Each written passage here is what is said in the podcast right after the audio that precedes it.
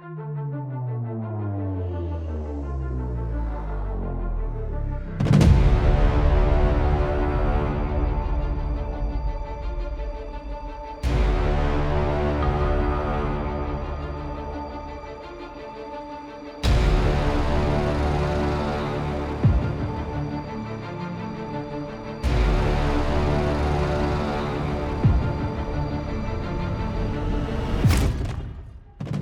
Cześć, witam na moim kanale. Ja mam na imię Piotrek i zapraszam Cię serdecznie do odsłuchania jednego z odcinków mojej audycji pod tytułem Stenogramy zbrodni.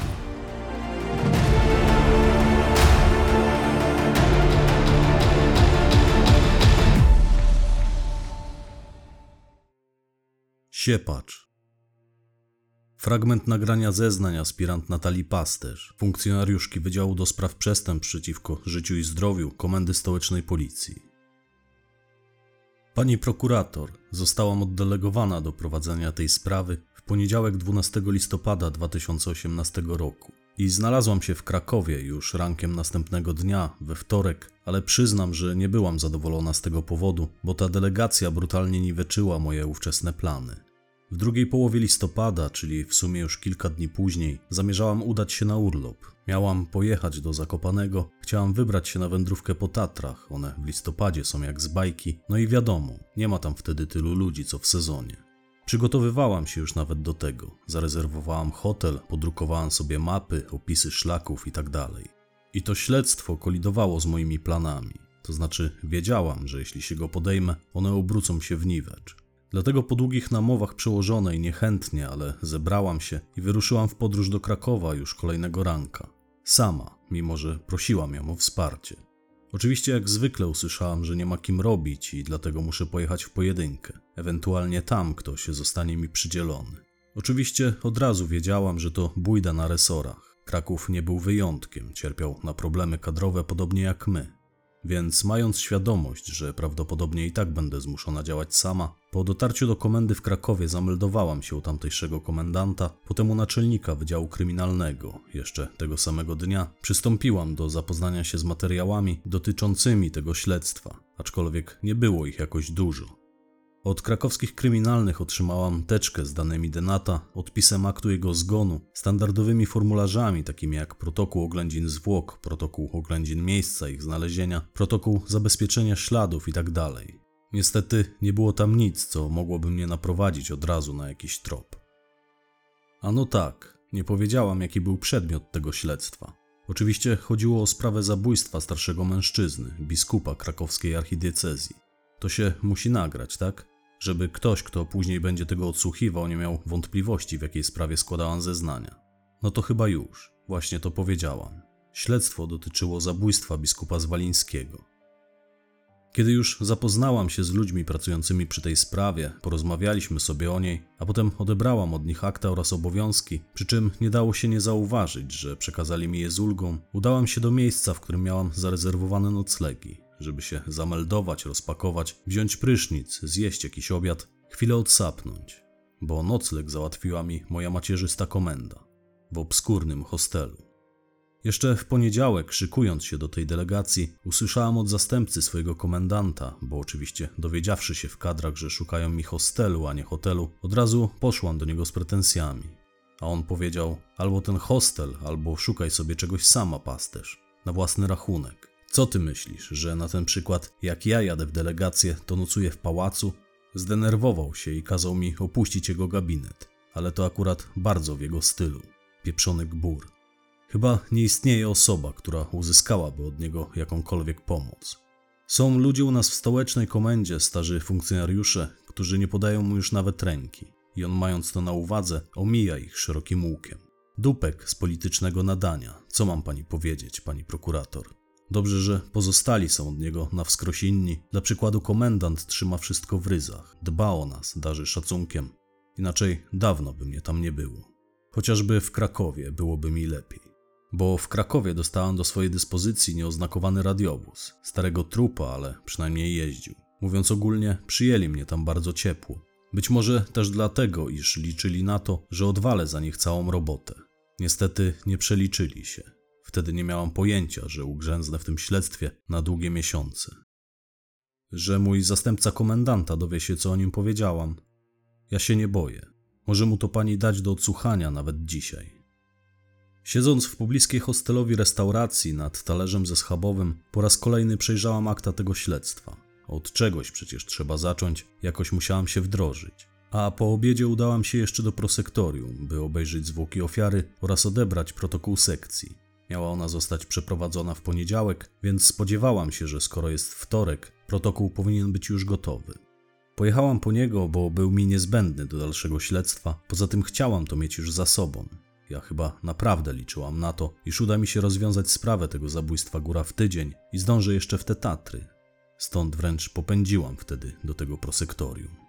Muszę się pani przyznać, pani prokurator, że ja nie za bardzo lubię patrzeć na zwłoki. Zawsze staram się wymigać od obowiązku ich obejrzenia. Powiem inaczej. Nie mam takiego obowiązku, ale ja jestem oldschoolowa. Wszystko muszę zrobić tak, jak w podręczniku napisano i jak mnie nauczono. No i zgodnie ze zwyczajem snuję się po tych prosektoriach, szczegółowo wypytuję o sposób działania sprawcy i tak.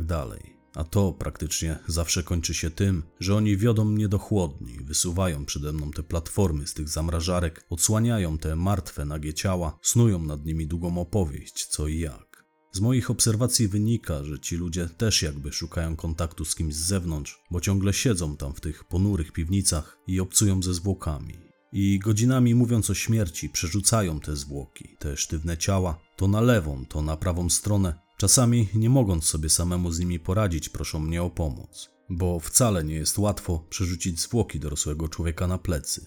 Te ciała zaczynają po pewnym czasie odmarzać, skrapla się na nich woda, wygląda to tak, jakby się one pociły. Ja się napatrzę, a potem muszę to wszystko odchorować, bez względu na to, w jakim stanie te zwłoki były. Po prostu świadomość tego, że mam do czynienia z martwym ciałem, a do tego z osobą, która pożegnała się z życiem wbrew własnej woli, w wyniku przemocy, ta świadomość zawsze źle na mnie działa. Zawsze mi szkoda się robi tych ciał, tych ludzi, kimkolwiek by nie byli za życia. Zawsze najbardziej szkoda mi dzieci, ale dorosłych także. Mój pierwszy partner z Wydziału Kryminalnego, który uczył mnie fachu, powiedziałby: Pierdol to, nie przejmuj się, trup to trup, jemu już na niczym nie zależy. Zobacz, jaką ma obojętną minę. Możesz wystrzelać w niego cały magazynek, a i tak się nie obrazi. Taki właśnie był mój dawny partner i znam dziś wielu jemu podobnych. Ale ja tak nie potrafię. Nie widzę obojętności na twarzach ofiar zabójstwa, a wyłącznie smutek lub przerażenie. To zawsze bardzo na mnie działa. Dołuje mnie to i dobija. Po co w ogóle o tym mówię? Bo pewnie chciałaby pani prokurator nawiązać do skargi, która na mnie wpłynęła w związku z tym śledztwem. Widziałam, że ma pani jej kopię na biurku. Zdążyłam się tu rozejrzeć po tym pani gabinecie, gdy robiła nam pani kawę. Już śpieszę z wyjaśnieniami. Pamiętam, jak stanęłam przed stołem sekcyjnym, na którym znajdowały się zwłoki tego zamordowanego biskupa, i moment, gdy pracownik prosektorium zdjął z nich pokrywające je brudne i pożółkłe prześcieradło. Dosyć widowiskowo to zrobił, zapewne specjalnie, bo on przecież wiedział, co się pod nim kryje. Ja nie wiedziałam. To znaczy, wiedziałam, bo przejrzałam akta, widziałam zdjęcia, ale nie spodziewałam się, że na żywo to będzie aż tak wyjątkowo makabryczny widok. Pani prokurator przyznaje się, opierdoliłam wtedy tego jego mościa, pracownika prosektorium, któremu polecono pokazać mi zwłoki. Z góry na dół go zjebałam. Pamiętam, jak z trudem przełknęłam ślinę, bo w pierwszym momencie zebrało mi się na wymioty, spojrzałam na tego rudowłosego mężczyznę. Mogłeś mnie kretynie ostrzec, rzuciłam mu w twarz. A potem obróciłam się na pięcie i oddalając się od tego stołu, nawrzucałam mu jeszcze co nieco. Nie chcę tego tu teraz przytaczać. Nie nadaje się to do cytowania. Stanąwszy w drugim końcu pomieszczenia, pomyślałam po chwili, że być może zareagowałam nawet zbyt ostro, ale on nie odezwał się ani słowem, patrzył tylko na mnie, głupawo się uśmiechając. Po kolejnej wiązance, jaką go uraczyłam, spuścił głowę i najpewniej udał, że wraca do swoich obowiązków, bo dokądś poszedł, a mnie zostawił tam samą. Miałam sporo czasu, by dokładnie sobie obejrzeć szczątki Denata. Powinnam była to zrobić, więc mając już ku temu okazję, zrobiłam to. Wykonałem też kilka fotografii telefonem na własny użytek. Zawsze robię dużo zdjęć, zwłok, miejsca, śladów i muszę przyznać, że po raz pierwszy widziałam zwłoki w takim stanie. A ten skończony kretyn potem napisał na mnie skargę, jakobym miała zakwestionować jego profesjonalizm. No bardzo profesjonalnie się zachował, niech go szlak jasny trafi. Ale mniejsza z nim, nie z takimi miałam do czynienia i jakoś sobie z nimi radziłam. Oryginał jego skargi moja przełożona podarła potem na moich oczach. Spytała mnie, czy w związku z jego zachowaniem mam mu zrobić koło tyłka. Stwierdziła, że jeśli ja sobie tego życzę, to ona to zrobi. Ona wie, że ja nie znoszę widoku zwłok. Odparłam, że nie, że szkoda na takiego osobnika naszej energii. Mam dobre stosunki z moją przełożoną. Często wzajemnie się wspieramy w różnych sytuacjach, dlatego lubię z nią pracować. Nie wyobrażam sobie dzisiaj pracować pod kimś innym. Mam na myśli szefową mojego wydziału, naczelnik Patrycję Osińską. Mówią na nią Osa, ale akurat nie od nazwiska wziął się jej przydomek, tylko od tego, że jest taka cięta. No i znowu się rozgadałam, jak to ja. Wróćmy zatem do tematu. Ciało biskupa Zwalińskiego zostało znalezione wczesnym rankiem w sobotę 10 listopada w Krakowie, w fontannie znajdującej się w zabytkowym parku Jerzmanowskich. Trafił na nie zupełnie przypadkowo pracownik służb utrzymania miasta, które regularnie doglądają tego miejsca. Służby komunalne mają między innymi za zadanie codziennie sprzątać teren parku. I jeden ze sprzątaczy, bo tak chyba mogę nazwać te osoby, jeden ze sprzątaczy zauważył ciało denata w tamtejszej fontannie. Mimo, że była to końcówka roku, bezśnieżna, ale jednak zima, ta fontanna wciąż była czynna, to znaczy pełna wody, bo w tamtym momencie nie pracowała. Pompy na noc automatycznie się wygaszają. Zarówno sama niecka, jak i instalacja doprowadzająca do niej wodę jest podgrzewana. Ta fontanna może pracować cały rok bez obawy, że w wyniku mrozów pękną zaopatrzające ją w wodę rury. Specjalny system czuwa nad tym, by tak się nie stało, dostosowuje temperaturę wody do warunków otoczenia itd. Szczegółów nie znam, ale nie muszę ich znać, wystarczy, że na wokandzie wypowie się w tym temacie biegły. Lecz wróćmy do sedna. Ten sprzątacz zawiadomił przełożonego, tamten z kolei wezwał policję i pogotowie, sprawą zajął się Wydział Kryminalny Komendy Wojewódzkiej w Krakowie i od razu poprosili nas o pomoc. Trzy dni później udałam się do Krakowa, by przejąć to śledztwo. Już wspominałam w jakich okolicznościach. W zaufaniu pani powiem, że były naciski, żeby to stolica poprowadziła tę sprawę, prawdopodobnie z krakowskiej kurii, jakby to cokolwiek miało zmienić albo chociażby przyspieszyć. No i wysłano mnie. Patrycja, moja przełożona, zrobiła to wbrew mojej woli, wiedziała przecież, że planuje urlop, ale nie miała wyjścia. W każdym razie po krótkim briefingu tylko ja zostałam w jej gabinecie. Pozostali wyszli stamtąd, odżegnując się od tego śledztwa. Dosłownie. Opuszczali gabinet Patrycji, zamaszyście rysując przed sobą znak krzyża. Być może dla hecy, a być może nie. Nawet moi przyjaciele wróżyli mi niepowodzenie w tym śledztwie. Martwy biskup, no to się wpierdoliłaś, mówili. Przeprowadzona sekcja zwłok oraz oględziny miejsca zbrodni wykazały, że biskup Zwaliński utonął, najprawdopodobniej został przemocą utopiony w fontannie, a jego śmierć nastąpiła około piątej nad ranem, bo tak między innymi zeznali świadkowie, że około piątej słyszeli jakiś hałas w pobliżu fontanny. W toku śledztwa zgłosili się bowiem do mnie świadkowie, w sumie dość szybko, dzień po tym jak sprawa wypłynęła i opisały ją gazety. Ci świadkowie tamtej nocy przebywali w okolicy fontanny, to były osoby, które uprawiały poranny jogging i trzy osoby, dwóch mężczyzn i jedna kobieta, zgodnie zeznały, że widziały tamtego poranka jakieś postacie w okolicy fontanny, słyszały potem również jakieś krzyki, słyszały głosy dwóch jakby przekrzykujących się dorosłych mężczyzn. Przy czym jeden zdawał się prosić o coś drugiego. Jeden ze świadków zeznał wyraźnie: Słyszałem słowo proszę. Świadkowie nie zdecydowali się zobaczyć, co się tam dzieje, uznając te przekrzykiwania za kłótnie przysłowiowych lumpów. Nikogo nie byli w stanie opisać, nie mieli nawet pewności co do tego, ile tych postaci tam widzieli. Raz twierdzili, że widzieli dwie postacie, kolejnym razem, że trzy, a nawet cztery. Standard. A podobne ustalenia co do czasu zgonu biskupa przyniosła kontrola elektronicznego termostatu, będącego częścią panelu sterowania fontanną, w którym ktoś zmienił zaprogramowane ustawienia dokładnie o godzinie 5.19. Zapisało się to w pamięci sterownika. I tym sposobem o 5.19 nad ranem 10 listopada 2018 roku sprawca lub sprawcy, bo w tamtym momencie zakładałam jeszcze obie opcje, w każdym razie ktoś włamując się do skrzynki z panelem sterowania fontanny tuż po 5 rano, podnosząc temperaturę wody do 100 stopni Celsjusza, rozpoczął proces gotowania zwłok biskupa Zwalińskiego. Pani prokurator, jego ciało gotowało się w tej fontannie prawie że 3 godziny. Dopiero pracownicy służb miejskich, którzy tego ranka zostali wezwani na miejsce, włączyli grzanie wody. Pokrywa zabezpieczająca panel była otwarta, zamek w niej został wcześniej wyłamany, to znaczy wraz z obudową został uszkodzony jakimś tym pokrawędzistym narzędziem. On tam stoi nieopodal fontanny, ten panel, taka niepozorna skrzyneczka, przypomina nieco małą rozdzielnię elektryczną. I raczej niewiele osób wiedziało, że znajdował się w tej skrzynce system sterowania fontanną, wyłącznik czasowy oświetlenia, termostat itd.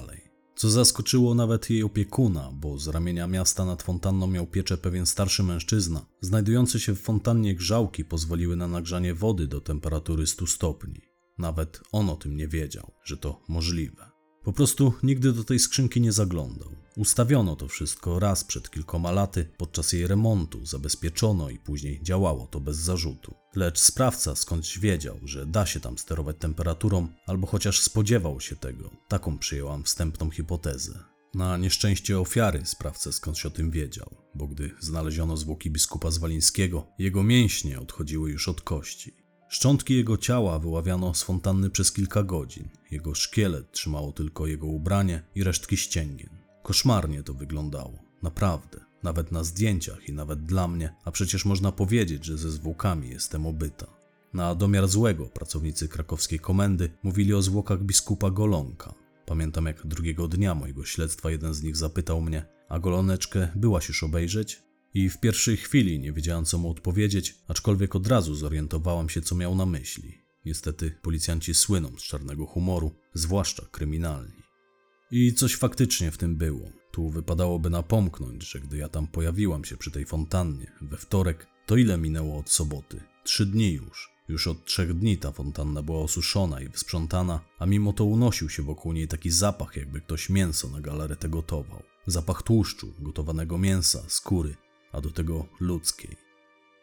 Zabrzmi to być może groteskowo, ale czasami tak pachniało u moich dziadków na wsi przed świętami, gdy dziadek robił galaretę, takim gotowanym mięsem. I dlatego mi się to tak kojarzy. Jak tylko pochyliłam się nad tą fontanną i poczułam ten zapach, a miałam w świadomości, że nie jestem u dziadków na wsi, tylko na miejscu zbrodni, zwymiotowałam do tej fontanny. Pochyliłam głowę i zwymiotowałam do jej pustej niecki. Głupio mi o tym mówić, ale tak było. Na szczęście nikt tego nie widział i niczemu to nie zaszkodziło. Tak oto moja wyobraźnia płata mi figle.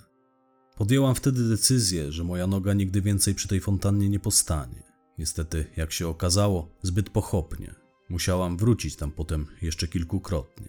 I jeszcze tego samego dnia, gdy po raz pierwszy wybrałam się w to miejsce, by obejrzeć sobie tę fontannę, zaraz po tym incydencie, o którym opowiedziałam pani przed chwilą, jak już opanowałam mdłości, obejrzałam sobie skrzynkę panelu sterowania, która była już akurat podreperowana i zamknięta solidną kłódką.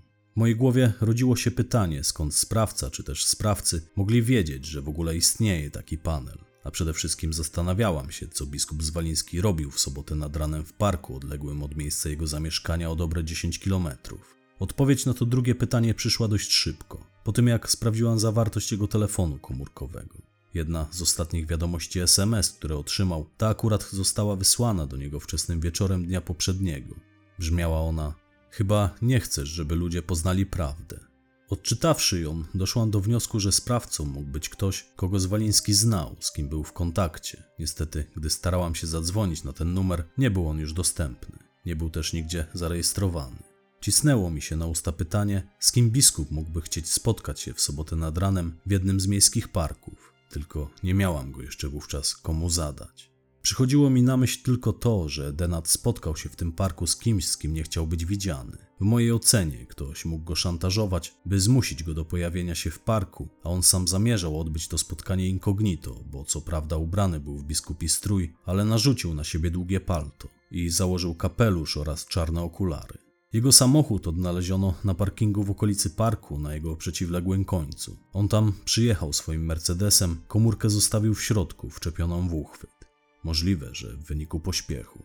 Dokonując oględzin miejsca zbrodni, zauważyłam ślady obuwia, z których w tamtym momencie były już wykonane odlewy gipsowe i opisano je w aktach. Część z nich pozostawiona została przez ofiarę, część najpewniej przez napastnika czy napastników, no i przez ludzi, których kręciło się tam przecież całe mnóstwo. I w pewnym momencie zauważyłam tam także wdeptane w błoto jakieś zdjęcie. To znaczy, w pierwszej chwili tylko wydawało mi się, że było to zdjęcie. Kiedy udało mi się wygrzebać je z ziemi i oczyścić, okazało się, że to nie tyle zdjęcie, co jakby karta stali do gry. A raczej nie tyle do gry była to karta, co taka pochodząca stali do tarota.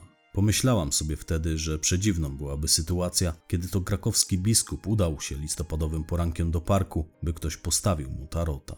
Uznałam więc, że to najpewniej jakaś zabawkowa karta, która wypadła bawiącym się w okolicy dzieciom i nie ma ona nic wspólnego ze śledztwem. Aczkolwiek dzieci raczej się takimi kartami nie bawią.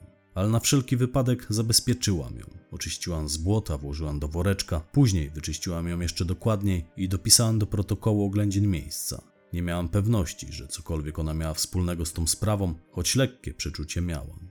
Sama karta przedstawiała postać siepacza, ona była w ten sposób nawet opisana, a znajdował się na niej wizerunek zamaskowanej śmierci. To znaczy zamaskowanej postaci z mieczem w ręku, stąpającej po ziemi pokrytej ludzkimi kośćmi. Choć mało prawdopodobnym byłoby ta karta wypadła akurat z kieszeni sprawcy, zabezpieczyłam ją jako ewentualny dowód w sprawie.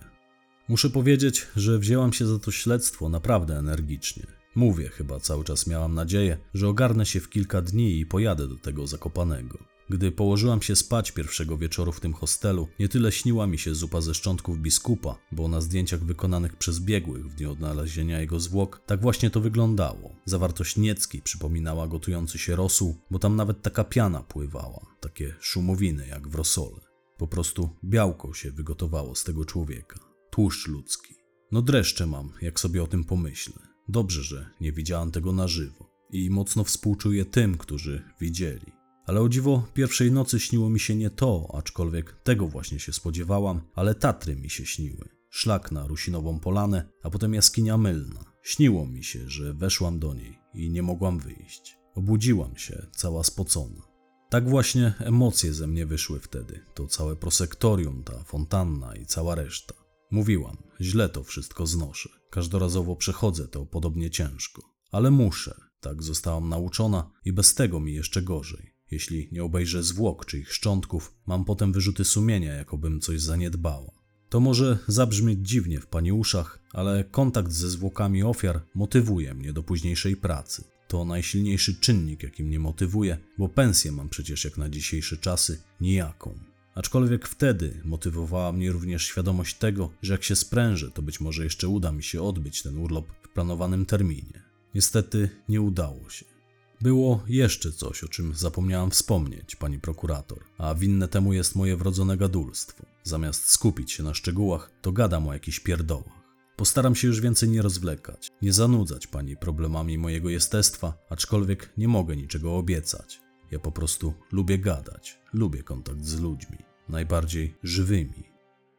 Otóż fontannie przy zwłokach biskupa znaleziono, o ile w ogóle można tak powiedzieć, że coś przy nich znaleziono, bo te jego zwłoki, gdy je ujawniono, to już praktycznie był tylko obłożony czymś na wzór sutanny oraz długiego palta obgotowany z mięsa szkielet. Więc z tej fontanny wydobyto też zagadkowego pluszowego misia, białego misia z przywiązaną wokół szyi czerwoną kokardą, takiego bardzo charakterystycznego, bo to był miś trzymający w rękach czerwone serduszko z wyhaftowanym napisem Oleńka. Stąd też mogłam przypuszczać, że w przeszłości został on podarowany przez kogoś dziewczynce o imieniu Aleksandra. On oczywiście również został zabezpieczony, opisany w protokole i tak dalej. Ja otrzymałam go jako materiał dowodowy razem z całą resztą w zwykłej reklamówce z logiem jednej z sieci handlowych. No bieda panuje na komisariatach. Trzymałam go potem w swoim hostelowym pokoju, aczkolwiek krótko w samym pokoju, bo okazało się, że ten miś niemiłosiernie cuchnął. On cuchnął po prostu nie do zniesienia. Dlatego trzymałam go potem w dalszym ciągu w tej reklamówce, ale już za oknem, na parapecie. Uszy reklamówki ścisnęłam w szczelinie między ramą a skrzydłem okna, żeby nie spadła na dół, bo to było drugie piętro i tak go przez kilka dni przechowywałam.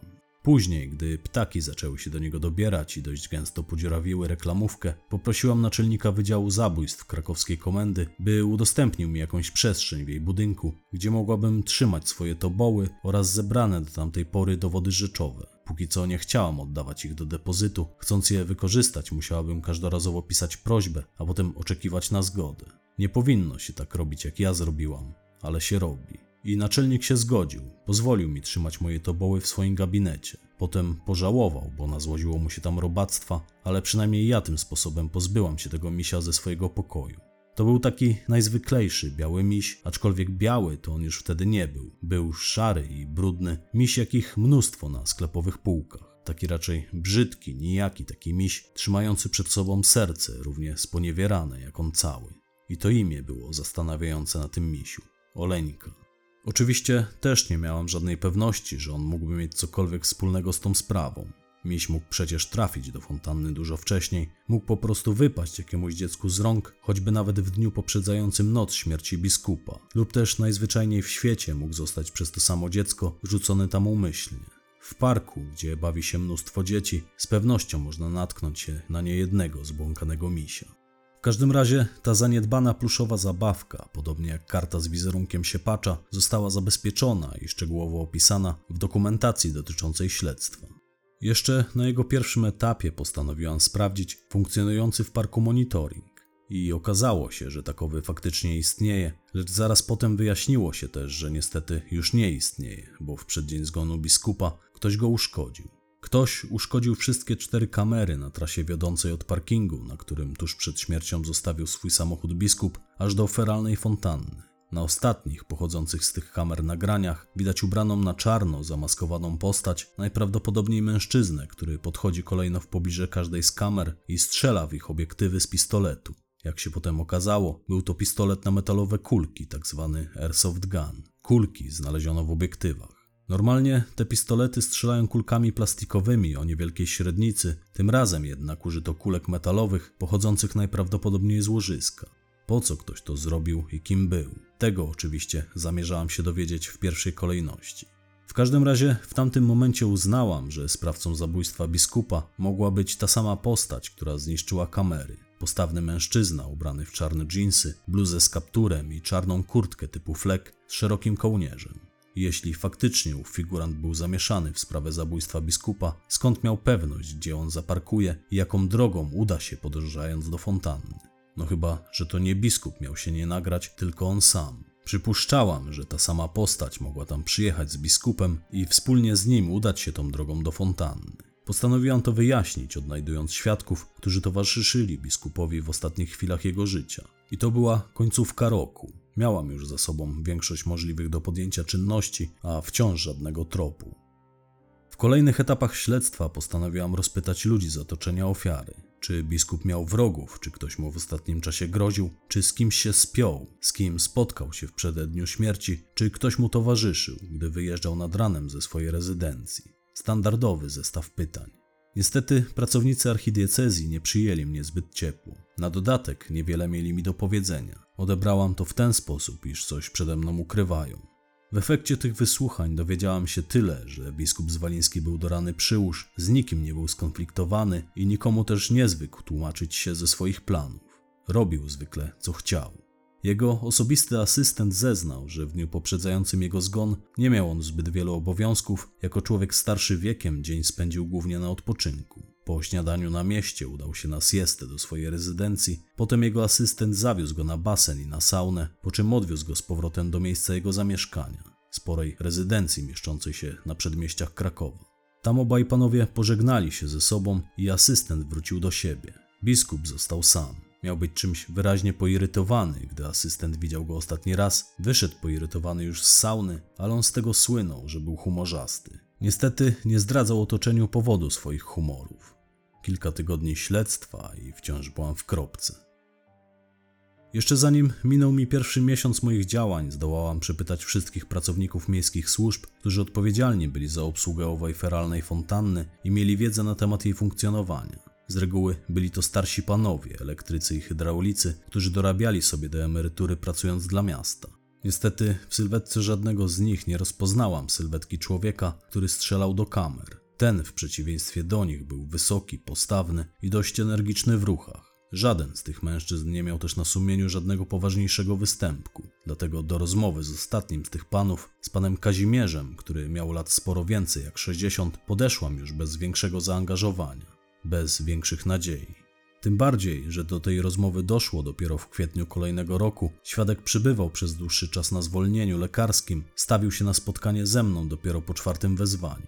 Wybierając się na święta wielkanocne do Warszawy, zabrałam ze sobą dokumenty dotyczące tego śledztwa, a nawet tę kartę, którą znalazłam nieopodal fontanny. I między innymi dlatego, że miałem ją przy sobie, odwiedzając znajomych, nosiłam ją w kieszeni jak talizman. Właśnie dlatego wciąż pamiętałam o panu Kazimierzu i wydzwaniałam do niego od czasu do czasu, żeby w końcu się ze mną spotkał. Aczkolwiek mówię, nie miałam już nadziei na żaden przełom. To śledztwo wtedy po raz pierwszy zmierzało już ku umorzeniu. A pan Kazimierz nieoczekiwanie powiedział mi potem o czymś, co zaważyło o całym dalszym losie tego postępowania. Fragment stenogramu zeznań świadka Kazimierza T. Ja biskupa w fontannie nie widziałem. Mnie wtedy w pracy nie było, to mój zastępca tam do parku pojechał, jak mu ZDMK zgłosiło, że ich ludzie prawdopodobnie znaleźli jakieś zwłoki. Ja tam byłem na miejscu, jeszcze tego samego dnia, ale dopiero wieczorem, jak policja już tam swoje czynności zakończyła. Pojechałem sprawdzić, czy posprzątano cały ten bajzel i czy panel sterowania zabezpieczono. Ktoś wyłamał zamek w pokrywie od panelu. Oczywiście nie zabezpieczono go należycie, więc wziąłem wiertarkę, nawierciłem dwa otwory, założyłem skobel, kłódkę powiesiłem tam i tyle. Narobiłem się przy tym, korzonki mi się odezwały i przebywałem później przez kilka miesięcy na zwolnieniu lekarskim. Stąd tak późno spotkałem się z tą panią. Spotkaliśmy się z nią w tym parku, z tą policjantką, tą, która przed chwilą stąd wyszła. Mijałem ją na korytarzu. Zamieniliśmy też kilka słów. Powiedziała, że teraz ja mam złożyć swoje zeznania, a ona jeszcze tu wróci, by dokończyć swoje. Wyskoczyła do sklepu po papierosy czy coś takiego. Gdy znaleźliśmy się w tym parku, obejrzeliśmy wspólnie fontannę. Ona już ponownie była uruchomiona. Ten panel wspólnie sobie obejrzeliśmy, potem spacerowaliśmy jeszcze chwilę po okolicy. Spytałem tę policjantkę wówczas, czy ona mnie podejrzewa. A ona odparła, że tak, że podejrzewa każdego, kto wiedział o istnieniu tego panelu.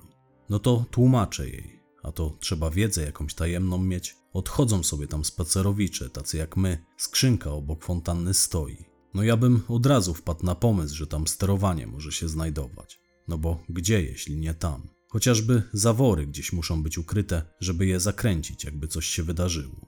Fontanna jest ogrzewana, oświetlona, gdzieś sterowanie być powinno. Więc ja pierwsze co, to bym tę skrzynkę rozłupał, tak jak morderca to zrobił.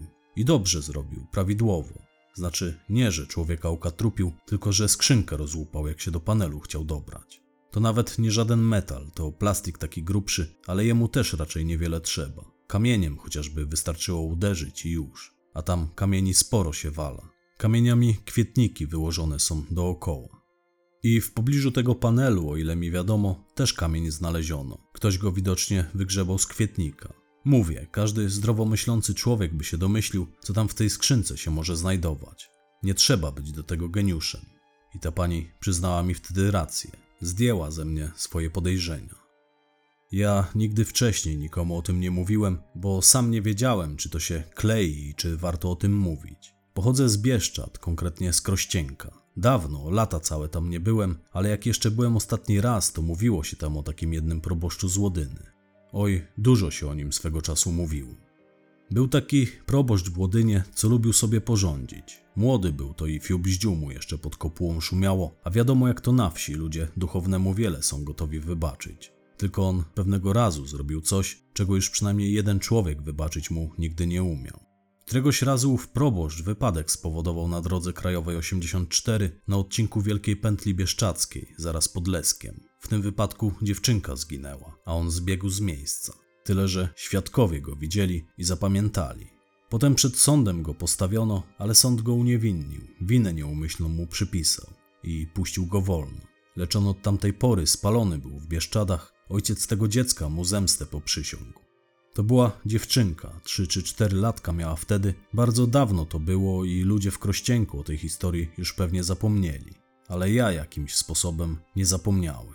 Przyszła mi ta historia na myśl, gdy mnie ta policjantka o możliwy motyw spytała. Bo to według mojej wiedzy ten sam Zwaliński właśnie, ten sam co wypadek pod Leskiem spowodował. On potem z Bieszczad zmuszony był wyjechać. Ludzie mówili, że do Krakowa. Ja w Krakowie nigdy o nim nie słyszałem. Do kościoła nie chodzę, z Bogiem od dawna mi nie po drodze.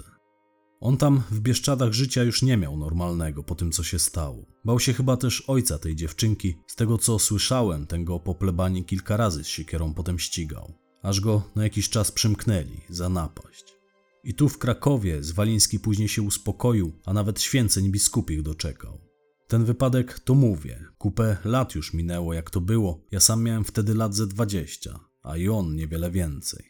Stąd nawet podczas mojego spotkania z tą policjantką nie pamiętałem o tej sprawie, nie kojarzyłem nawet jak ten biskup miał na nazwisko. Nie interesowałem się tym zbytnio, po chorobie świeżo byłem. Dopiero jak ona do mnie mówiła Zwaliński, Zwaliński, ja nazwisko skojarzyłem i tego Zwalińskiego z Łodyny sobie przypomniałem. Dzień po naszej rozmowie, bo ja w tym parku niewiele do powiedzenia miałem, dopiero dzień później to sobie skojarzyłem, do kuzynostwa w Bieszczadach zadzwoniłem, spytałem co z tym proboszczem Zwalińskim właściwie się stało, tym co kiedyś dziewczynkę w wypadku zabił. A mój kuzyn mówi do mnie, a co ty Kazik, gazet nie czytasz? Zwalińskiego tam u was przecież w Krakowie zamordowali. I od razu na myśl mi się nasunęło, że być może ojciec tego dziecka obietnicy mu danej dotrzymał. Zadzwoniłem potem do tej policjantki, ona mi swój numer telefonu zostawiła. Powiedziałem jej, że ten biskup to nie taki święty, za jakiego chciał uchodzić. I ona stwierdziła, że to sobie sprawdzi. Była mi bardzo wdzięczna za te informacje. Fragment nagrania zeznań aspirant Natalii Pasterz, funkcjonariuszki Wydziału do Spraw Przestępstw przeciwko Życiu i Zdrowiu Komendy Stołecznej Policji.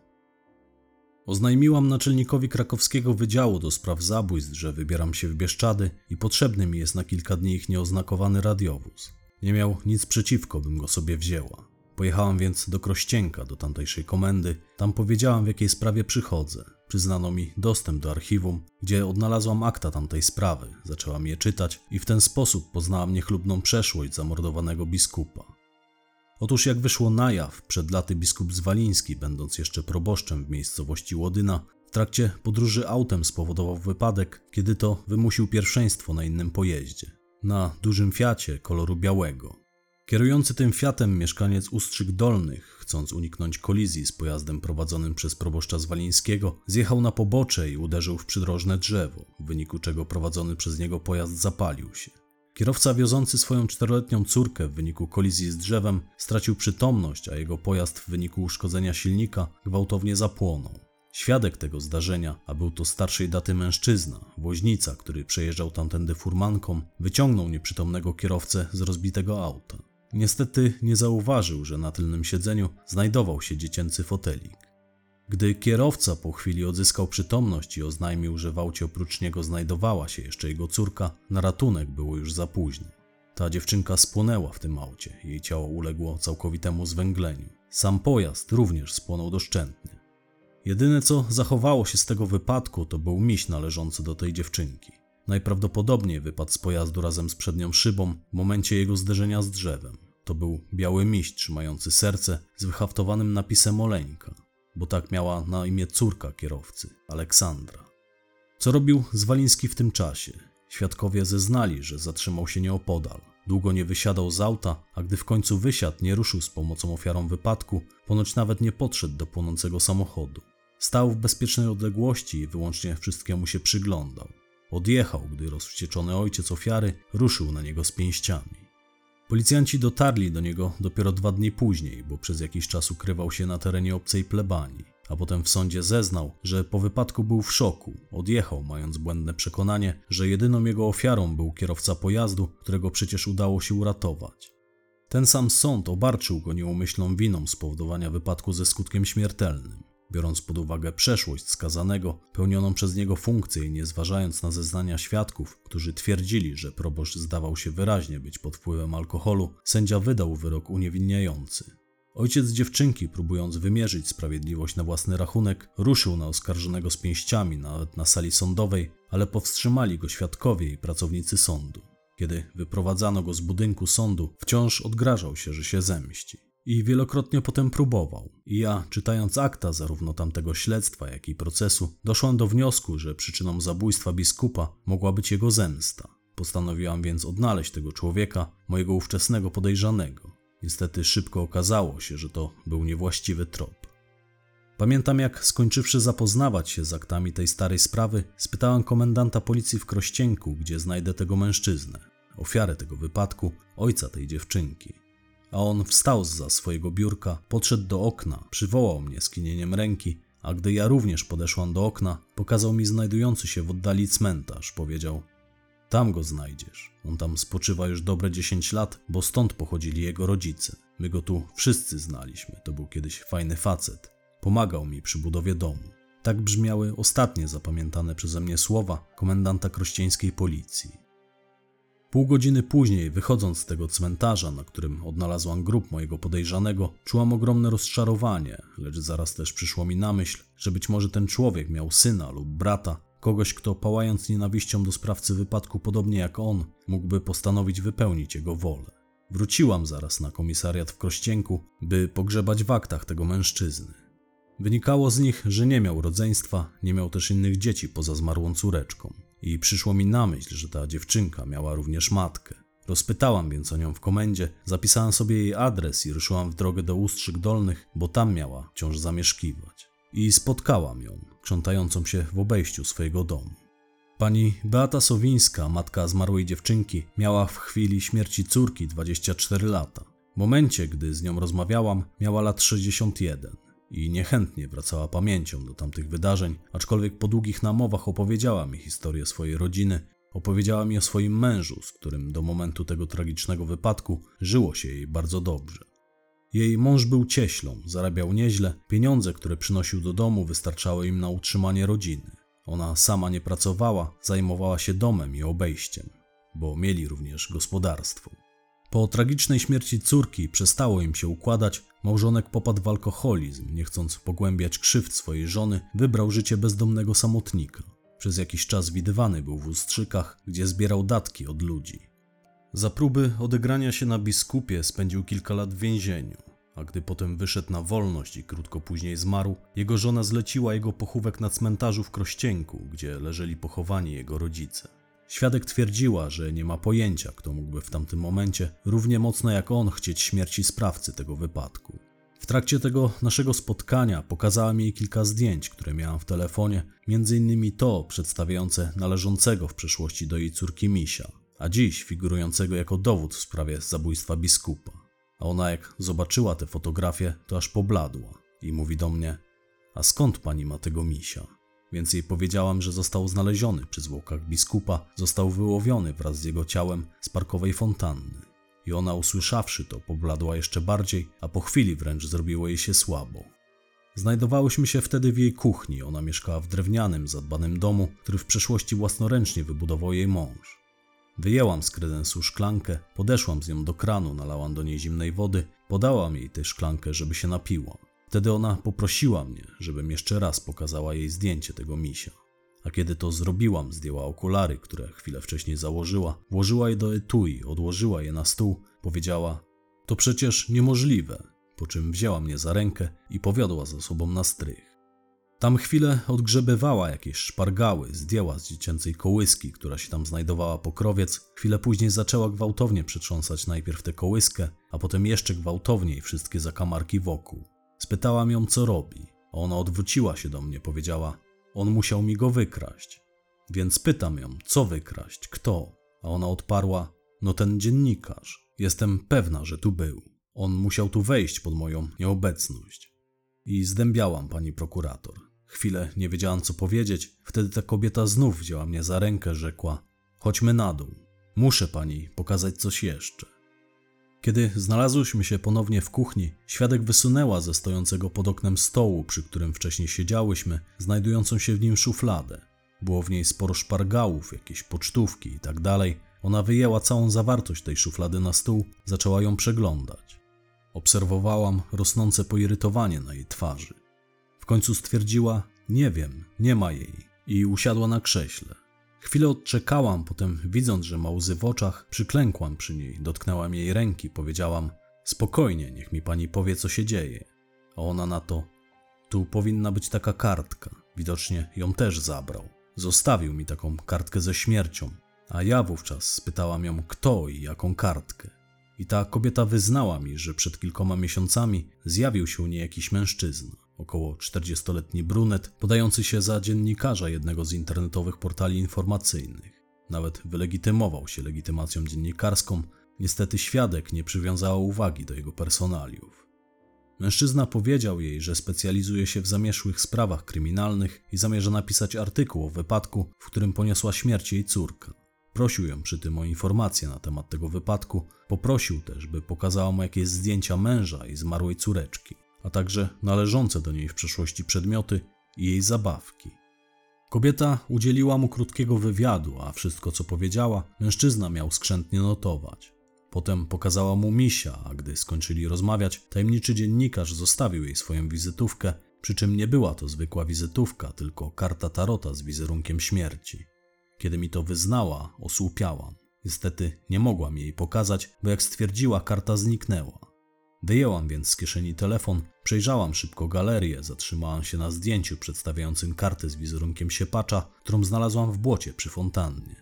Podetknęłam tej kobiecie pod nos swój telefon, spytałam, czy to była ta karta? A ona wzięła leżące na stole etui, wyjęła z niego okulary, założyła je, przyjrzała się temu zdjęciu, powiedziała: Tak, to była dokładnie taka sama karta, tylko na mojej ten człowiek zapisał numer swojego telefonu. Prosił mnie o kontakt, gdybym chciała jeszcze coś dopowiedzieć. Obiecał mi też, że sam się do mnie odezwie, gdy tylko jego artykuł będzie gotowy. Miałam ją tutaj w szufladzie. Schowałam ją tu przy nim, a potem już tu nie zaglądałam, bo przyznam, że nie miałam najmniejszego zamiaru się z nim kiedykolwiek kontaktować. Tak brzmiały słowa tej kobiety. Moja rozmowa z nią trwała dość długo. Oczywiście spytałam ją również o to, kiedy mogło dojść do sytuacji, gdy ktoś włamał się do jej domu i zabrał misia oraz tę kartę. Odparła, że taka sytuacja mogła mieć miejsce praktycznie codziennie, bo ona kilka razy w ciągu dnia wychodzi z domu, by oporządzić krowy w stajni i nie zamyka wtedy drzwi. Na terenie jej posesji faktycznie znajdowała się stajnia. Opuszczając ustrzyki, miałam niesamowity mętlik w głowie. Nie wiedziałam, jakim tropem miałabym teraz podążyć. A żegnając się jeszcze z tą kobietą, złożyłam jej obietnicę, że gdy ta sprawa się zakończy, obowiązkowo zwrócę jej należącego kiedyś do jej córki misia. Upewniłam ją, że póki co jest u mnie bezpieczny. Ona bardzo mnie prosiła, by on kiedyś do niej wrócił.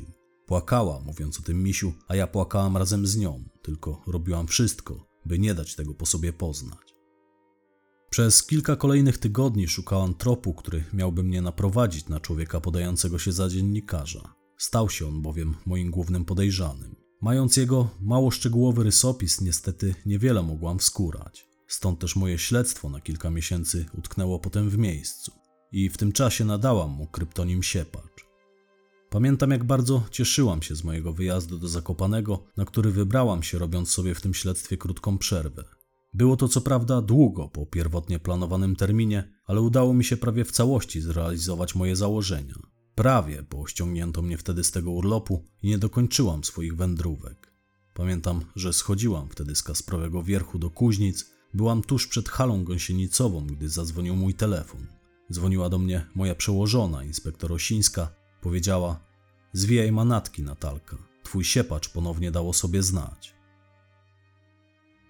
Fragment notatki służbowej sporządzonej przez starszego posterunkowego Adama Wójcickiego, funkcjonariusza Komendy Miejskiej Policji w Częstochowie. W dniu 12 sierpnia 2019 roku o godzinie 5.23 zostaliśmy skierowani przez oficera dyżurnego naszej komendy na ulicę Armii Krajowej 66 w dzielnicy Tysiąclecie, a dokładnie do budynku tamtejszego mrówkowca, czyli największego budynku mieszkalnego w mieście. Dyżurny wysłał nas w związku ze zgłoszeniem odnalezienia zwłok mężczyzny. Do klatki schodowej numer 9 weszliśmy o godzinie 5.45. Znajdowało się już tam wtedy sporo gapiów oraz zgłaszający, mieszkaniec tej klatki, pan Ryszard Adamczyk, który zaprowadził nas na miejsce ujawnienia zwłok, to znaczy zeszliśmy wraz z nim do piwnicy. Tam, za metalowymi otwartymi już wtedy drzwiami stanowiącymi luk naprawczy windy, spoczywały zmasakrowane zwłoki mężczyzny w wieku około 50 lat. Teren szybu został już wygrodzony i zabezpieczony przez zgłaszającego. Zabezpieczenie stanowiły dwa przyniesione przez niego z mieszkania taborety. Pierwsze wrażenie, jakie odnieśliśmy, było takie, iż Denat padł ofiarą nieszczęśliwego wypadku, to znaczy wszedł do szybu windy, w którym nie było kabiny, i runął w dół.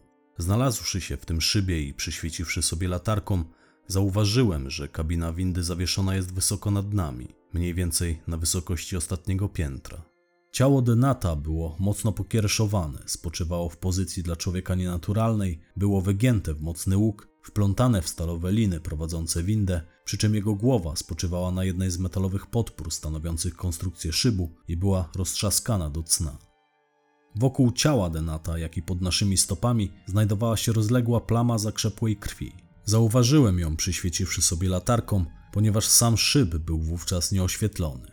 Po konsultacji z dyżurnym wezwaliśmy na miejsce straż pożarną oraz pogotowie dźwigowe i w oczekiwaniu na ich przyjazd przystąpiliśmy do zabezpieczenia miejsca zdarzenia. Pracownicy pogotowia byli już na miejscu, jednak po stwierdzeniu zgonu odstąpili od dalszych czynności. Zrobili to na naszą prośbę, gdyż w tej sytuacji nie pozostawało nam nic innego, jak nie dopuścić w to miejsce osób postronnych i wezwać prokuratora. Nadmieniam, iż Denat miał wyraźnie skrępowane ręce i zakneblowane usta. Jego dłonie na wysokości nadgarstków związane były prawdopodobnie jakimś drutem, co do tego pewności jednak nie miałem, ponieważ na polecenie dyżurnego odstąpiliśmy od dalszych oględzin zwłok do momentu zabezpieczenia szybu przez odpowiednie służby. Wcześniej osobiście upewniłem się, że przycisk awaryjnego zatrzymania windy, który znajdował się w piwnicy, został załączony i zabezpieczony. Zrobiłem to mając na uwadze, że w każdym momencie mogła ona zostać przez kogoś uruchomiona. O godzinie 6.30 na miejscu zjawili się pracownicy pogotowia dźwigowego, którzy unieruchomili windę, wzbudzając w niej hamulce i trwale odłączając jej zasilanie. Zabezpieczyli również wszystkie drzwi prowadzące do szybu na każdym z pięter. Okazało się, że robi się to jednym przyciskiem. O godzinie 7.20 na miejsce przybyli technicy śledczy z komendy miejskiej, którzy rozpoczęli swoje oględziny. Ja z moim partnerem zabezpieczaliśmy teren przed możliwym przypadkowym wtargnięciem osób postronnych. Nasze czynności na miejscu zakończyły się o godzinie 14.30, a o godzinie 15.00 powróciliśmy do komendy. Jeszcze przebywając na miejscu zdarzenia, przekazałem technikom kartę, którą znalazłem obok ciała Denata. Jej fotografię wykonaną telefonem zawarłem jako załącznik do niniejszej notatki. Fragment nagrania zeznań aspirant Natalii Pasterz, funkcjonariuszki Wydziału do Spraw Przestępstw przeciwko Życiu i Zdrowiu Komendy Stołecznej Policji. Częstochowskim policjantom, którzy wspierali mnie w tym śledztwie, szybko udało się ustalić, iż denatem był 49-letni Zdzisław R., pracownik zarządzającej tymże budynkiem spółdzielni. Był technikiem elektrykiem, specjalizował się w remontach i konserwacji urządzeń dźwigowych. W momencie ujawnienia jego zwłok posiadał przy sobie komplet dokumentów. Wciąż pamiętam, jak zająwszy się tą sprawą, rozpytywałam później o niego jego współpracowników ze spółdzielni. Jeden z nich, ku mojemu zaskoczeniu, oznajmił mi, że Zdzisław R. zginął w taki sam sposób, w jaki w wyniku jego zaniedbania przed kilkoma laty w tym samym szybie windy zginęła mieszkająca w tym budynku 25-letnia kobieta. Była to wyjątkowo zaskakująca informacja, która później w całości się potwierdziła. Zdzisław R. miał prowadzić w przeszłości prace konserwacyjne w kabinie windy, został do nich oddelegowany z ramienia spółdzielni, lecz jak wykazało późniejsze postępowanie, pewnego razu będąc pod wpływem alkoholu podszedł do swoich obowiązków w rażąco lekceważący sposób.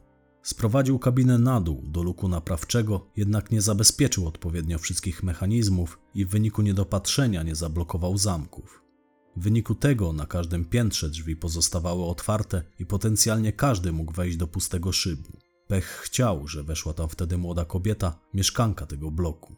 Runęła w dół, poniosła natychmiastową śmierć, upadając z siódmego piętra na dach kabiny, znajdującej się wówczas na samym dole, w podpiwniczeniu. W jej wnętrzu pracował Zdzisław R. Świadkowie twierdzili, że on sam, prosząc mieszkańców budynku o wezwanie pogotowia, wyraźnie chwiał się i bełkotał, jak również czuć było od niego woń alkoholu. To on zaalarmował o wypadku mieszkańców bloku. Wysoką zawartość alkoholu w jego krwi potwierdziły późniejsze badania. Oczywiście został potem oskarżony o niedopełnienie obowiązków i nieumyślne spowodowanie śmierci, jednak ze względu na stan jego zdrowia on przeszedł dwa zawały, w tym jeden w dniu, gdy wydarzyła się ta tragedia. Mimo wszystko sąd nie przychylił się do wniosku prokuratury i orzekł wobec niego wyrok wyłącznie w zawieszeniu. Zdzisław R. nie trafił za kratki, a na wcześniejszą emeryturę po tym jak wyszedł ze szpitala, dokąd trafił w dniu orzeczenia jego wyroku. Wprost z sali sądowej został przewieziony na ojom z podejrzeniem kolejnego zawału.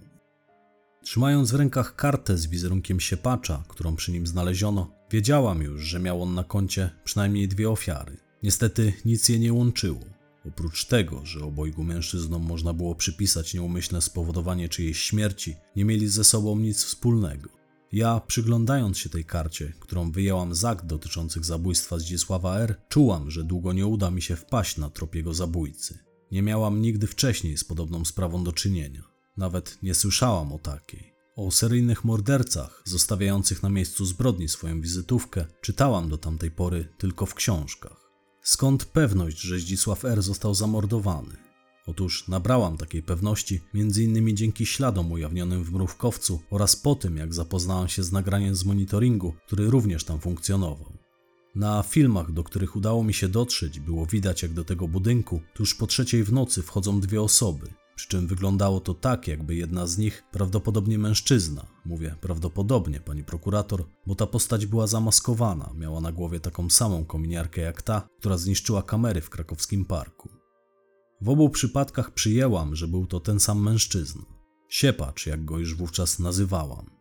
Wyglądało to tak, jakby sprawca siłą wiódł zakneblowanego i skrępowanego drutem Zdzisława R. do budynku mrówkowca, potem, jak wynikało z kolejnych nagrań, bo tam były kamery na każdej klatce, potem zszedł z nim do piwnicy, tam z pomocą panelu sterowania sam przyszły denat skierował windę na samą górę, na jedenaste piętro, po czym odblokował wszystkie drzwi. Na filmie widać, jak sprawca zadaje ciosy stojącemu przy panelu Zdzisławowi R., widocznie starając się go zmusić do określonych czynności w tym do odblokowania drzwi znajdujących się na piętrach. Potem ten sam sprawca przemocą zagnał ofiarę na siódme piętro, tam otworzywszy drzwi windy przytrzymał je nogą, a swoją ofiarę siłą wepchnął do szybu.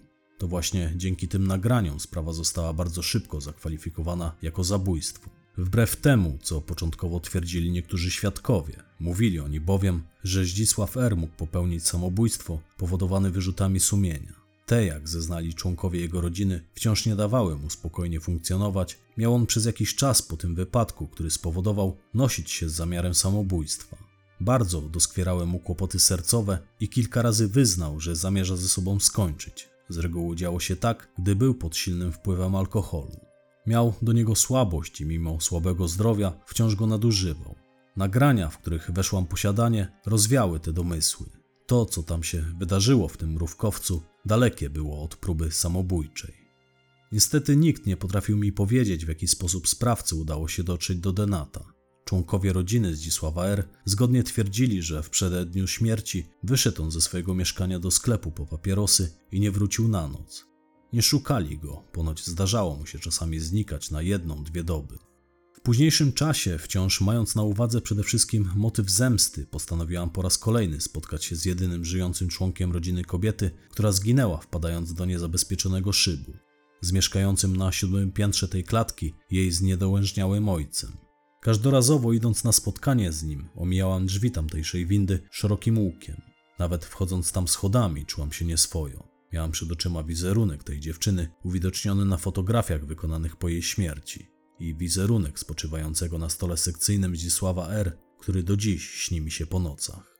Pamiętam swój nieoczekiwany dla mnie samej brak zaskoczenia, gdy ojciec tej zmarłej kobiety poinformował mnie, że przed około miesiącem odwiedził go w jego mieszkaniu tajemniczy mężczyzna. Miał oznajmić, że jest dziennikarzem i w zamiarze ma napisanie artykułu o wypadku, w którym zginęła jego córka, przy czym mężczyzna ów nosił brudne spodnie i niezbyt świeżo pachniał. Spytałam ojca tej zmarłej kobiety, czy zostawił mu on swoją wizytówkę. I też nie byłam zaskoczona, gdy świadek poinformował mnie, że owszem, otrzymał od tego dziennikarza kartę z wizerunkiem siepacza i zapisanym na niej numerem jego telefonu, tyle że pozbył się jej, wyrzucając ją do śmieci. Rzekomego dziennikarza, jak stwierdził, również przepędził na cztery wiatry, gdyż ten wydał mu się podejrzany. W efekcie tego nie doszło do oczekiwanej rozmowy między nimi. Prawie godzinę sprawdzałam wiaty śmietnikowe pod blokiem. Niestety karty nie znalazłam. A szkoda, bo wyobrażałam sobie, że ona wciąż może tam gdzieś leżeć, a ja odnalazłszy ją, dzwonię na numer, który miał się na niej znajdować i mówię się Paczowi, ty rozdajesz karty, a ja sprawdzam. O ile w ogóle ten numer w rzeczywistości był numerem jego telefonu, przecież równie dobrze mógł być zmyślony. A więc w tamtym momencie nabierałam pewności, że mam do czynienia z samozwańczym mścicielem, siepaczem, jak prawdopodobnie on sam siebie mianował. Niestety czułam, że daleka jestem od schwytania go. Co gorsza, miałam również poczucie, że im dłużej pozwolę mu przebywać na wolności, tym więcej ofiar może mieć on na sumieniu. W moim przekonaniu obrastał w piórka, a tacy osobnicy nie poprzestają. Za pierwszym razem zniszczył kamery, lecz w mrówkowcu pozostały one nienaruszone. Co więcej, on je widział kilka razy, nawet w nie spojrzał i nic z nimi nie zrobił. Ewidentnie podczas dokonywania drugiego zabójstwa czuł się bardziej pewny siebie niż wcześniej, przez co liczyłam na to, że być może popełni w końcu jakiś błąd. Zuchwałość nigdy nie popłaca zbrodniarzu. Pycha, jak to się mówi, kroczy przed upadkiem. Mężczyzna, z którym wówczas rozmawiałam, zeznał, że nigdy nie pałał chęcią zemsty na Zdzisławie R. Pogodził się z utratą córki, z którą żył w niezbyt dobrych relacjach. Potwierdziło się to w zeznaniach jego dalszych krewnych i sąsiadów. On sam miał alibi na tamten moment. Sprawdziłam go oczywiście w pierwszej kolejności. W podobnych sprawach zawsze najpierw sprawdza się bliskich. Od tamtego momentu coraz częściej główną myślą, jaka zaczynała mi się nasuwać, była ta, skąd sprawca wiedział o tych starych sprawach, skąd miał informacje na temat ofiar oraz okoliczności, w których poniosły śmierć, i doszłam ostatecznie do wniosku, że faktycznie mógł to być jakiś dziennikarz, który w przeszłości opracował jakieś artykuły na ten temat. Była to istna mitręga, ale wygrzebałam z archiwów lokalnych gazet wszystkie wydania, w których pisano o tych sprawach. Lecz tu znowu nic. Artykuły pisały różne osoby, w przeważającej mierze były to kobiety. Dziś każda z tych osób miałaby grubo ponad 50 lat, a nawet 60, nie najwyżej 40, jak wynikało ze zeznań świadków. W podobnym wieku miał być bowiem siepacz. Co dziwne, kobieta, matka dziewczynki, która zginęła w wypadku, opisała jego wygląd jako zadbany, a mężczyzna, ojciec kobiety, która zginęła w windzie, opisał siepacza jako osobnika przypominającego kloszarda. Dosłownie tak zeznał, że człowiek, który go odwiedził, wyglądał jak zwykły lump. Między innymi dlatego nie zdecydował się nawet wpuścić go do mieszkania.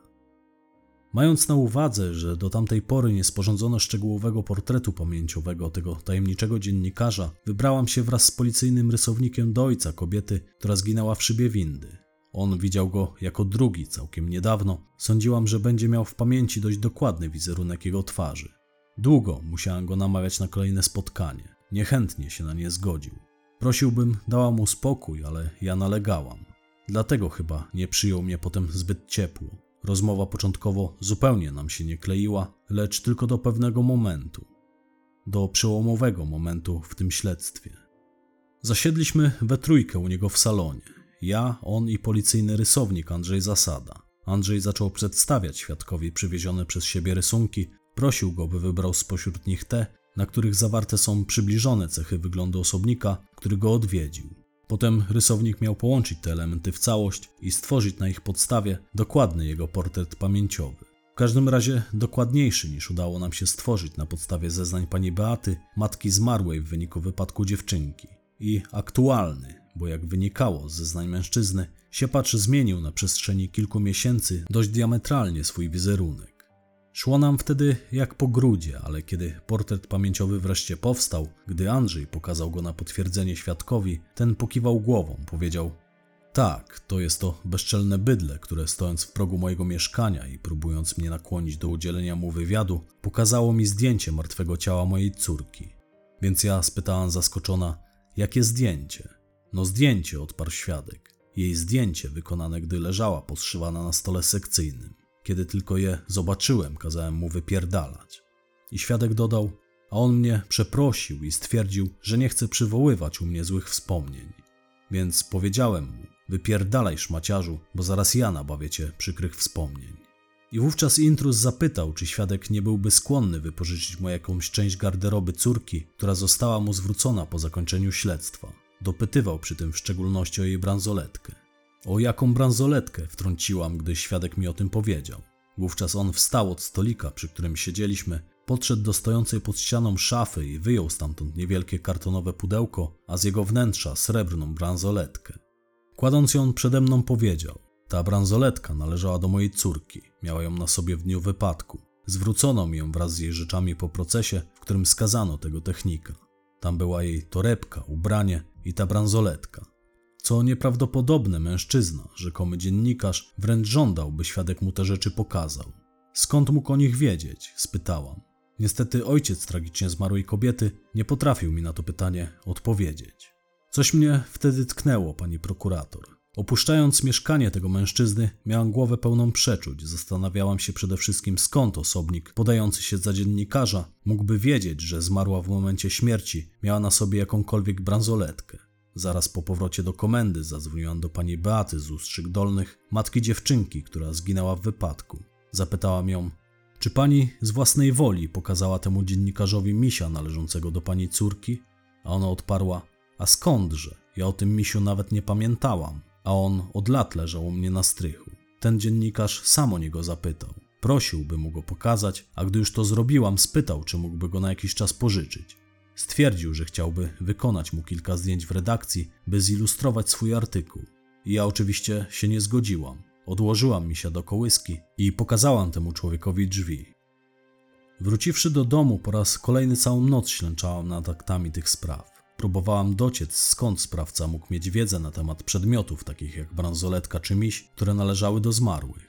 I tylko jedno przychodziło mi do głowy. Podobną wiedzę mógł mieć wyłącznie ktoś, kto przeglądał leżące przede mną na podłodze akta. Tylko policjant, sędzia, adwokat lub prokurator, ale z pewnością nie dziennikarz. Tego typu akt zwykle nie udostępnia się dziennikarzom. Tym bardziej, że mnie samej ledwie udało się odnaleźć akta tych starych spraw. Jak już wspomniałam, ponownie do nich zasiadłam. Rozłożyłam je u siebie w mieszkaniu na dywanie, zaczęłam je wertować, doszukując się w treści dziesiątek znajdujących się tam protokołów, nazwisk wszystkich osób, które były w nich wymienione, a jednocześnie zaczęłam je sobie notować. I proszę mi wierzyć, pani prokurator, we wszystkich tomach powtórzyło mi się tylko jedno nazwisko: Stellar, Jędrzej. Był to pracownik krakowskiego archiwum sądowego, który jako ostatni miał te akta w dłoniach. Podpisał się pod nimi, katalogując je w archiwum krakowskiego sądu, gdzie trafiły po latach te akta. Ustaliłam przy tym, że był to dawny policjant krakowskiego Wydziału Kryminalnego. Jak jeszcze udało mi się ustalić jakiś czas później, został on przed kilkoma laty karnie zwolniony z policji ze względu na swoją brutalność, którą wykazywał w kontakcie z podejrzanymi. Miał kilkorgu z nich grozić, w tym jednemu z użyciem służbowej broni, a jeszcze innemu podczas jego zatrzymania miał odgryźć kawałek ucha. Jego dawni współpracownicy z policji, z którymi potem rozmawiałam, zgodnie twierdzili, że Jędrzej Stellar cierpiał na zaburzenia osobowości. Mówiąc ich słowami, był świrem i żaden z nich nie chciał z nim pracować. A teraz całe clue, pani prokurator. Jędrzej Stellar został zwolniony z archiwum krakowskiego sądu tuż po tym, jak na ścianie gabinetu, w którym pracował, narysował wizerunek zakapturzonej śmierci. Zwolniono go po cichu, zamiatając to pod dywan. Nie chcę wyjść na osobę, która się przechwala, ale pewnie gdyby nie mój upór, gdyby nie to, że z uporem maniaka wracałam do czytania tych akt, być może nigdy bym na to nie wpadła.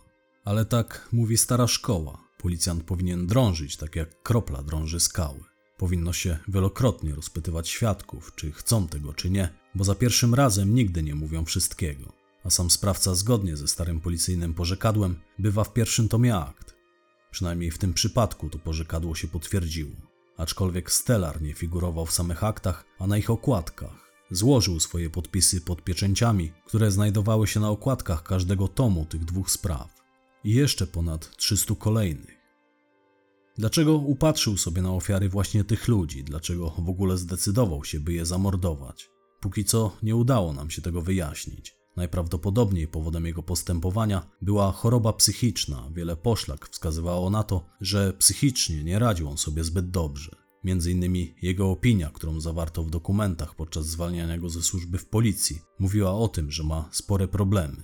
Już wtedy uznano go za nadpobudliwego, przejawiającego skłonność do niesprowokowanej agresji. Po prostu wyrzucono go z pracy, gdy ostatecznie uznano, że zagraża zarówno innym, jak i sobie. Potem dzięki swoim znajomościom trafił do archiwum krakowskiego sądu. Podupadał już wtedy na zdrowiu, ale o tym powiem za chwilę. Nie sposób mi opisać wściekłości, która rozgorzała we mnie na widok zastępcy komendanta, który podczas ogłoszonych mu przeze mnie podejrzeń co do Jędrzeja Stellara widowiskowo popukał się w czoło. Opuściłam jego gabinet trzaskając drzwiami. Za mną wyszła moja naczelnik Patrycja, zaprosiła mnie do swojego biura, powiedziała: To wszystko tylko poszlaki, ale ja ci wierzę. Wierzę, że trafiłaś na właściwy trop.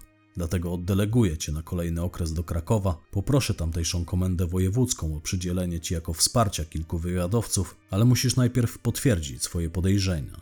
I kiedy wróciłam z Częstochowy, a także z Ustrzyk Dolnych z protokołami podpisanymi zarówno przez matkę zmarłej w wypadku dziewczynki, jak i przez ojca kobiety, która zginęła w wypadku w szybie windy, których to potwierdzili oni, że na przedstawionej im przeze mnie fotografii Jędrzeja Stellara rozpoznają mężczyznę podającego się za dziennikarza i legitymującego się wizytówką z wizerunkiem siepacza, mój zastępca komendanta nie odezwał się ani słowem a mój komendant natomiast wstał za swojego biurka, uścisnął mi dłoń, rzekł tym swoim donośnym głosem: Dobra robota, Natalio.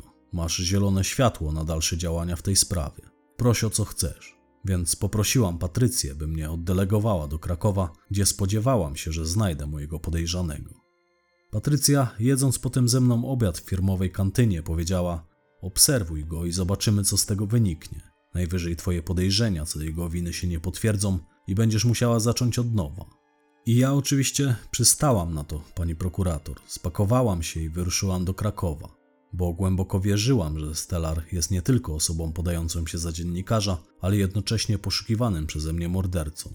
Któż inny miałby bowiem interes w tym, by nachodzić świadków i rozpytywać o te stare sprawy, jeśli nie osobnik, który dokonał później tych wymyślnych zbrodni? Któż inny podrzuciłby misia do fontanny, jeśli nie dziennikarz, który go wykradł? I przybywszy do Krakowa, zamieszkałam w tym samym hostelu co wcześniej. Tyle, że w ciągu późniejszych kilku tygodni w żaden sposób nie udało mi się ustalić miejsca przybywania Stellara. Pod ostatnim znanym jego adresem mieszkał już ktoś inny. Okazało się, że mój podejrzany sprzedał przed kilkoma laty mieszkanie, które otrzymał w spadku po zmarłej babci, mieszczące się na krakowskim Zabłociu. A gdy się z niego wyprowadził, słuch po nim zaginął. Zaraz jak tylko zwolniono go z pracy w archiwum sądu, rozpłynął się w powietrzu. Rodzina twierdziła, że nie widzieli go przynajmniej 5 lat. Udało mi się natomiast ustalić, że pozbył się swojego mieszkania praktycznie za połowę jego rynkowej ceny, jakby bardzo mu na tym zależało, lub też dokądś mu się spieszyło. I faktycznie mu się śpieszyło. Okazało się bowiem, że Stellar cierpiał na nowotwór, jego dni były już praktycznie policzone. Poddał się swojego czasu leczeniu, które kosztowało go fortunę, jednak jak się potem okazało, nie przyniosło oczekiwanych efektów. Mimo, że pozostawał on jeszcze dość długi czas nieuchwytny, natrafiłam na wzmianki o nim w oddziale klinicznym onkologii Krakowskiego Szpitala Uniwersyteckiego. Pierwsze z nich pochodziły z września 2015 roku, gdy pracował jeszcze w policji. U Stellara zdiagnozowano wtedy nowotwór mózgu, mówiąc ściślej glejaka we wczesnej fazie. Operowano go w związku z tym w Krakowie w prywatnej klinice, potem będąc już praktycznie bezdomnym, bo został bez dachu nad głową, a na leczenie wydał wszystko co miał, zapadł się pod ziemię. Nie zgłosił się później również do ośrodka, w którym miał zaplanowaną rehabilitację. Być może dlatego, że nie miał pieniędzy, oraz dlatego, że jak wynikało z akt prowadzonego przeze mnie postępowania, tuż przed jej rozpoczęciem dokonał pierwszego zabójstwa. Zamordował wtedy biskupa Zwalińskiego. Kilka miesięcy później pozbawił życia Zdzisława R. Jak oznajmił mi lekarz, który prowadził go w chorobie, mojemu podejrzanemu pozostawało w tamtym momencie nie więcej jak 2-3 miesiące życia, o ile dbałby o siebie i przyjmował leki. Miał on pojawić się w gabinecie tego lekarza po raz ostatni przed kilkoma tygodniami. Ten onkolog zeznał, że gdy widział Stellara po raz ostatni, ten był już w opłakanym stanie, kaszlał krwią i dygotał. Przyszedł prosić o receptę na leki, w tym na morfinę. Glejak, jako nowotwór z tendencją do przerzutów, zadomowić się miał już na dobre w jego płucach. Stellar ponoć z trudem mówił. Dwa, trzy miesiące, o ile o siebie dba. Tyle mu zostało. Tak powiedział ten lekarz. Nie miałam innego wyjścia, jak rozesłać do krajowych szpitali informację o tym, że Jędrzej Stellar jest poszukiwany przez policję i w momencie, gdy spróbuje w którymkolwiek z nich uzyskać pomoc, jego personel powinien powiadomić o tym najbliższą jednostkę policji. Niestety nic to nie dało. Ciągu kolejnych tygodni nikt nie dokonał takowego zgłoszenia. Przełom w śledztwie nastąpił nieoczekiwanie, zupełnie inaczej niż to sobie wyobrażałam. Bo otóż planowałam sobie, że uda mi się go odnaleźć, aresztować i postawić przed sądem jeszcze zanim wyzionie ducha. Niestety plany planami, a los po swojemu. Aczkolwiek, jeśli mam być szczera, dopadłam go przecież wciąż żywego. Do dziś pamiętam, w jakim pośpiechu wybiegłam ze swojego mieszkania, gdy tuż przed północą 13 listopada 2019 roku otrzymałam telefon z 5 Komisariatu Policji w Krakowie, informujący mnie o tym, że patrol Straży Miejskiej przeczesujący krakowskie pustostany w poszukiwaniu osób bezdomnych, narażonych na utratę zdrowia w wyniku panujących wówczas silnych mrozów, natrafił w budynku dawnej hydroforni położonej przy ulicy Klasztornej na mężczyznę, przy którym znaleziono dowód z numerem PESEL tożsamym z PESELem Jędrzeja Stellara. Byłam na miejscu szybciej od karetki, którą tam zadysponowano. Było to możliwe prawdopodobnie dlatego, że karetki wysyłane do osób bezdomnych, tzw. kloszardów, zwykle się nie śpieszą. No taka jest brutalna prawda. Tym bardziej się nie spieszą, gdy w kolejce czekają inni potrzebujący, a na miejscu, przy osobie wymagającej interwencji zespołu pogotowia, znajduje się patrol służb przeszkolonych w udzielaniu pierwszej pomocy. A tak przecież było w tym przypadku. Kiedy weszłam do pomieszczenia hydroforni, w której przebywał mój podejrzany, byłem już w stanie wręcz agonalnym. Jego stan szybko pogorszył się w wyniku prowadzonego przez niego koczowniczego trybu życia, do tego dobiły go panujące w ostatnim czasie silne listopadowe mrozy. Jak oznajmili mi obecni na miejscu strażnicy miejscy, Stellar na ich widok próbował wyskoczyć przez okno. To pomieszczenie, w którym go znaleziono, znajdowało się na trzecim piętrze, ale nie zdołał się na nie wspiąć. Był już praktycznie bezsilny, harczał i rzęził, poruszał się czołgając po podłodze. Gdy go znaleziono, leżał w swoim legowisku. To były jakieś brudne kołdry, jakieś szmaty tam były, a on sam wyglądał tak, że nigdy bym go nie rozpoznała. Był brudny, zapuszczony i wychudzony. A co najciekawsze, jeszcze kilka dni wcześniej planował kolejne zabójstwo. Znaleziono przy nim bowiem pamiętnik, w którym notował swoje przemyślenia, czyny i plany. Miał zwyczaj opatrywać je datą i ostatni jego wpis w tym pamiętniku pochodził dosłownie sprzed kilku dni. Zamierzał zabić kolejnego mężczyznę, mieszkańca Krakowa, którego obwiniał o śmierć własnego dziecka. Wiedzę o nim czerpał z akt, których znaleziono w pobliżu jego legowiska całe stosy. Musiał je wykraść podczas pracy w archiwum sądu. Muszę przyznać, że nieustępliwy był z niego mściciel, ale odpuścił sobie, gdy kilka dni wcześniej skończyła mu się morfina. Wokół jego legowiska walało się mnóstwo pustych po niej fiolek. Jak później udało mi się wyjaśnić, pochodziła ona z włamania do apteki, której dokonał na terenie Krakowa kilka tygodni wcześniej. Miał jeszcze wówczas trochę siły. Policji nie udało się ustalić sprawcy tego włamania. Stellar wiedział, jak nie pozostawiać po sobie śladów. Jędrzej Stellar leżał na plecach na lodowatym betonie, kaszlał i pluł krwią. Ja najpierw podeszłam do niego, potem przyklękłam przy nim. Patrząc w jego pełne bólu oczy, spytałam go, dlaczego to robił, dlaczego zamordował tych ludzi.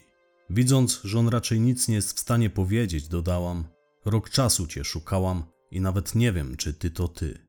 A on niespodziewanie wyciągnął rękę w kierunku plecaka, który leżał na betonie obok niego, lecz natychmiast jeden ze strażników stanął mu na tej ręce i przycisnął ją do podłogi. Najwidoczniej chciał w ten sposób zadbać o moje bezpieczeństwo. Natychmiast też kazałam mu uwolnić rękę podejrzanego. A kiedy ten to zrobił, Stellar znów sięgnął po plecak, chwyciwszy go, przyciągnął go do siebie, uniósł go nad siebie, jakby chciał coś z niego wytrzepać. Po chwili z tego plecaka wypadł pistolet na kulki, a także wysypały się karty z wizerunkiem siepacza. Dziesiątki tych kart. On wziął do ręki jedną z nich i bez słowa, drżącą dłonią, podał mi ją. Gotowa jestem przysiąc, że w tym całym bólu, którym emanował, uśmiechnął się do mnie. Złowieszczy to był uśmiech. Uśmiech na miarę siepacza. Bardzo zapadł mi w pamięć moment, gdy Stellar, leżąc tam wtedy na tym betonie, nieoczekiwanie dla nas wszystkich wydał nagle z siebie długi oddech. Jego klatka piersiowa opadła, jego ręce, które trzymał na piersiach, zrobiły się wiotkie i zsunęły się na beton. Ja wciąż przy nim klęcząc, widząc jego stan, zrozumiałam, że był to oddech agonalny. Zróbcie mi miejsce, krzyknęłam, zdejmując z siebie kurtkę. Potem, wyciągnąwszy go ze sterty śmieci i gruzu, na której leżał, przeciągnęłam go na środek pomieszczenia. Miałam świadomość, że kurtka będzie krępować mi ruchy, gdy rozpocznę jego reanimację. Masaż serca, którego się wtedy podjęłam, trwał aż do przyjazdu karetki. Na szczęście długo nie musieliśmy już na nią czekać. Niestety lekarz pogotowia, który zjawił się na miejscu, mógł już tylko orzec zgon mojego podejrzanego.